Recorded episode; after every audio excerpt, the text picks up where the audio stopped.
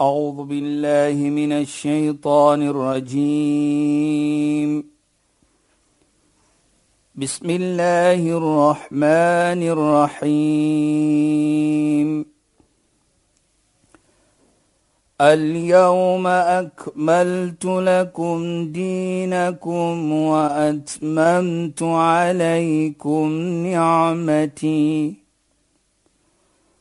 وأتممت عليكم نعمتي ورضيت لكم الإسلام دينا. صدق الله العظيم. Assalamu alaykum wa rahmatullahi wa barakatuh. Goeienaand. Baie welkom by die program Islam in Fokus. My naam is Shahida Kali en ek gesels soos ouer gewoonte met Sheikh Dafir Najjar. Assalamu alaykum Sheikh. Wa alaykum salaam wa rahmatullahi wa barakatuh. Luisteraars, vanaand gaan ons voort met ons gesprek oor skinnebekkies of om goed te sê wat ander mense seermaak en hartseer maak of om goed te sê waarvan ander mense nie hou nie al is dit die waarheid wat jy praat. En Sheikh het afgeëindig in ons vorige program met en Sheikh het verwys na 'n versie uit die Heilige Koran en so vra ek nou vir Sheikh om sommer daar te begin asseblief Sheikh. بسم الله الرحمن الرحيم الحمد لله والصلاة والسلام على رسوله صلى الله عليه وسلم وعلى آله وصحبه أجمعين أما بعد السلام عليكم ورحمة الله تعالى وبركاته إن خينان aan ons geëerde en geliefde luisteraars. Nou ja, luisteraars, verlede week het ons begin en ons het natuurlik gepraat oor die skinder en ons het ook mooi gepraat van hoe mooi is dit as ons mens se gevoelendheid laat lekker voel. En dink dit is die belangrike iets dat ons nie gevoelendheid van mens moet seermaak nie. Maar as ons terugkom na daardie versie wat ons verlede week van gepraat het, waar Allah subhanahu wa ta'ala praat van ya ayyuhalladhina amanu taqullaha wa qulu qawlan sadida. O julle wat glo op reg, weet julle verantwoordelikheid teenoor Allah. Doen dit met ander woorde. Weet julle verantwoordelikheid en ook baie belangrik en praat 'n goeie woordjie. En Sheikh, so vir my is dit baie belangrik as mens die koneksie maak tussen hmm. die die twee gedeeltes amper van die versie. So jy die ja. een gedeelte waar Allah sê Julle moet erken dat julle 'n verantwoordelikheid teenoor my en wanneer julle dit erken, dan moet julle mooi praat met mense. So dis die een is amper afhanklik van die ander. Jy kan Precies. verantwoordelikheid nakom teenoor Allah nie en jy is lelik met mens nie. Presies, Shaida, en dit is hoe die versie connect met ons. Mm maar ook baie belangrik dan praat Allah verder. Dan sê Allah subhanahu wa ta'ala soos ons sê وقولوا قولا سديدا يصلح لكم اعمالكم dan enige iets wat julle doen van opregheid dit sal gebeur met ander woorde kyk net daar Saida so jy kan nie opreg dinge doen byvoorbeeld nie heeldag sal jy salaam maak jy aanbidding doen nie maar jy is nie mooi met mens nie jy praat nie mooi van mens nie nou kyk net hoe Allah subhanahu wa ta'ala ons goeie dade heg aan prate van die gevoelendheid van nog 'n persoon. Wat praat ons van so 'n persoon? En dit is die enigste manier volgens my verstaaning van hierdie versie. As jy wil sien die resultate van jou goedheid, van jou goeie dade, dan moet jy mooi lewe met mens. Praat mooi met mens. Moenie mens afdruk nie. Lig mens op. Jou goeie dade sal opreg wees dan. En met dit sê Allah ook: "Yaghfir lakum dhunubakum." Dan sal Allah jou sonde vergewe. Allah sal vergewe dan. Nou as ons terugkom, kyk net hoe gekoppel is die een aan die ander een. En wat baie belangrik is, ons kan nie net die een doen en vergiet van die anders nie. Ek kan nie heeldag aanbidding doen en heeldag in die moskee wees en ek is seker baie verskillende gelowe sal met my saamstem. Jy kan nie heeldag in die kerk sit nie, maar jy bly mense gevoelendheid seermaak. Hoe is daai aanbidding dan? Inderdaad, inderdaad. Dis amper soos dit gaan jou hart verby. Presies. Dit raak nie jou hart nie. Hoe, hoe opreg is jou aanbidding? Inderdaad. Hoe sinseer is jy mm -hmm. met jou mhm. aanbidding? Mm -hmm. As jy nie mooi lewe met mense nie. Ja. Kyk net hoe sê die heilige profeet ook: "La yahillu limri'in an yahjura akhaahu fawqa thalath." Dit is nie toelaatbaar vir 'n persoon om meer as 3 dae kwai vriendskap te leef met sy medemens nie. Broer of suster, man of vrou, kind of moeder, moeder of man, vader of kinders of buurmense ook. Dit is nie toelaatbaar nie. Nou hoekom sê die heilige profeet dit?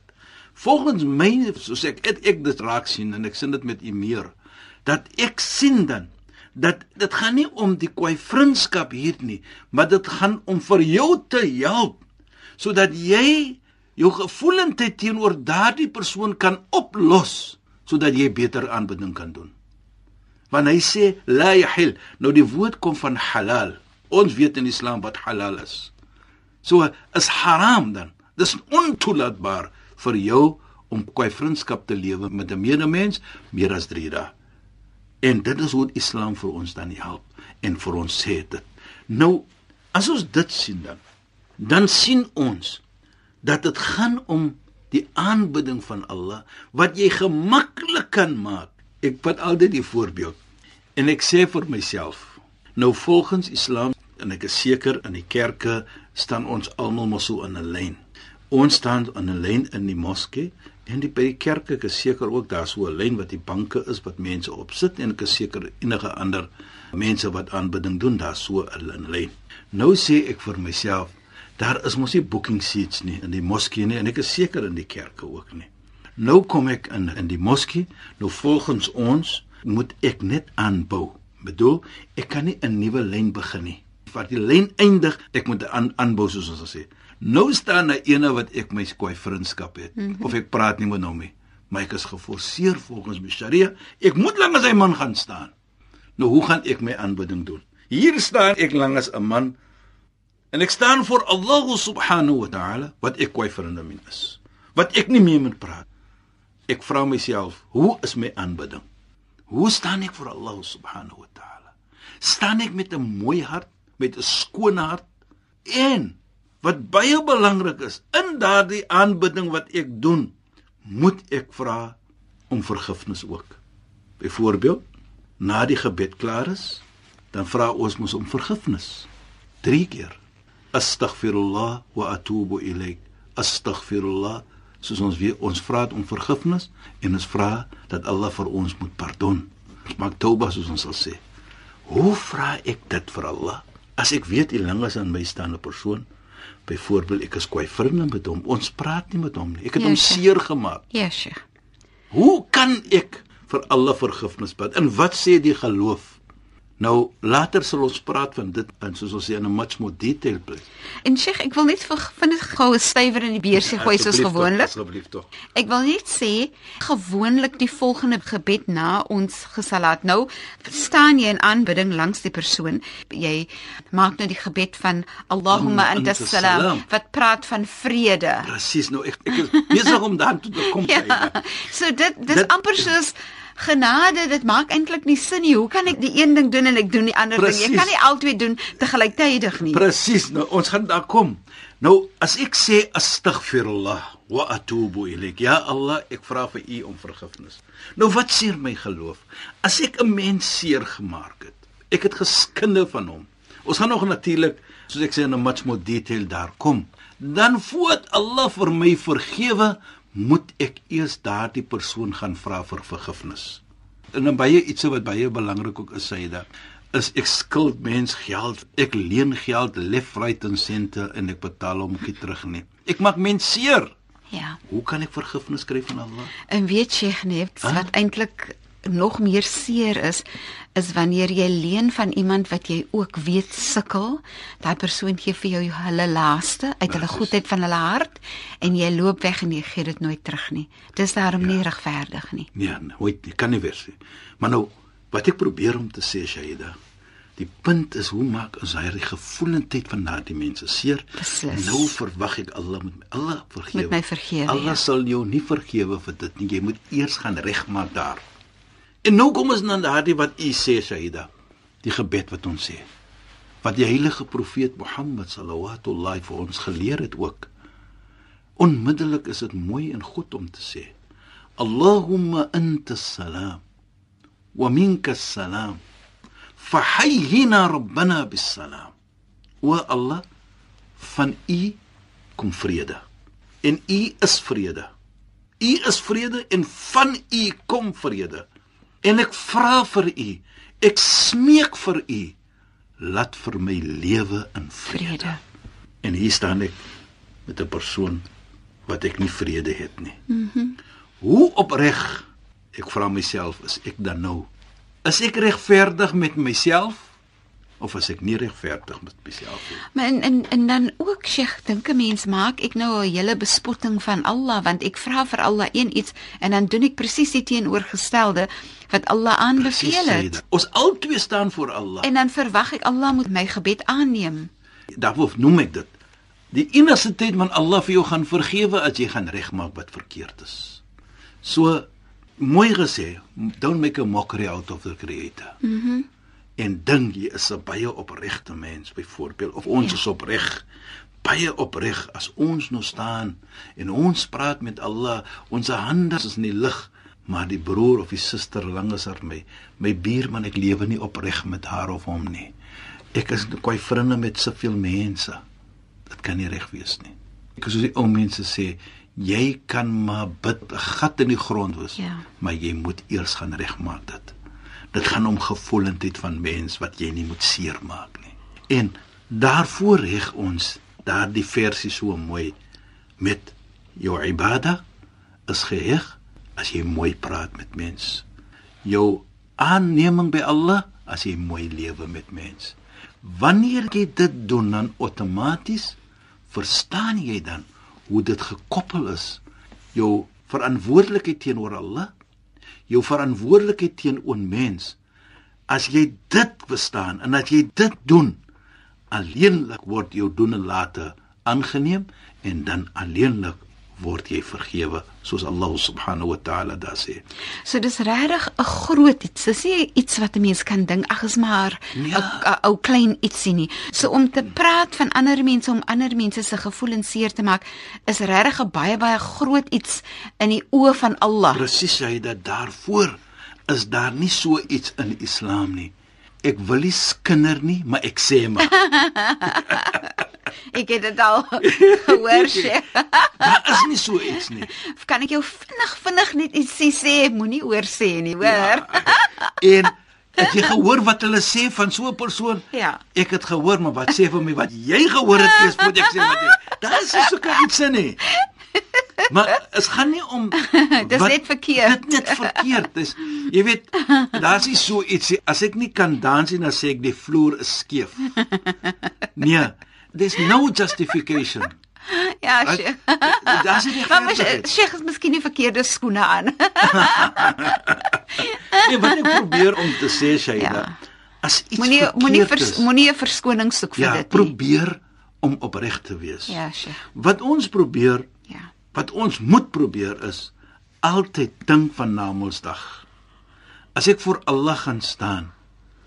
Jy weet, dit herinner ook vir my van 'n mooi gesegde van die heilige profeet Mohammed sallallahu alayhi. Eendag toe staan hy met sy vriende en hy vra vir hulle iets mooi. Hy sê: "Atadruna man al-muflis?" Weet julle wie is die een wat bankrot is? Sê hulle ook: "Jy is die boodskapper van Allah, weet beter." Toe sê hy en hulle sê ook al-muflis fina man la dirham lahu wala mata'. Muflis is ene wat bankrot is en hy's niks meer Niks geld nie Hy het niks geld nie. of besittings Hy het nie. niks besitting nie. Hy kan nie besigheid maak. Byvoorbeeld hy het gehad het hoe verloor hy alles. Toe sê die heilige profeet vir hulle: "Nee, nee, nee. nee. Al-muflis min ummati man yati yawm al-qiyamah bis-salati." Hy sê van my gemeente is die persoon wat bankrot is. Hy kom na Woensdag. Hy het gesala, hy het gevas, hy het zakat gegee. Hy het baie goeie dinge gedoen. Maar na Woensdag kom hy, faqad shatama hadha. Hy het daardie een gevloek en het daardie een gesê jy's dit en dat. Hy het net verkeerd gepraat van mens. En ook baie belangrik, hy het mense geld gevat met onregverdigheid. Met ander woord gesteel. Hy het die weeskind se geld geneem en het daardie een geslaan, byvoorbeeld onregverdig. Nou wat gebeur dan? Nou word sy goeie dade geneem. Fayu'ti hasanatihi min hasanat. Nou word sy goeie dade geneem van hom en dit word gegee vir diegene wat hy onreg aangedoen het.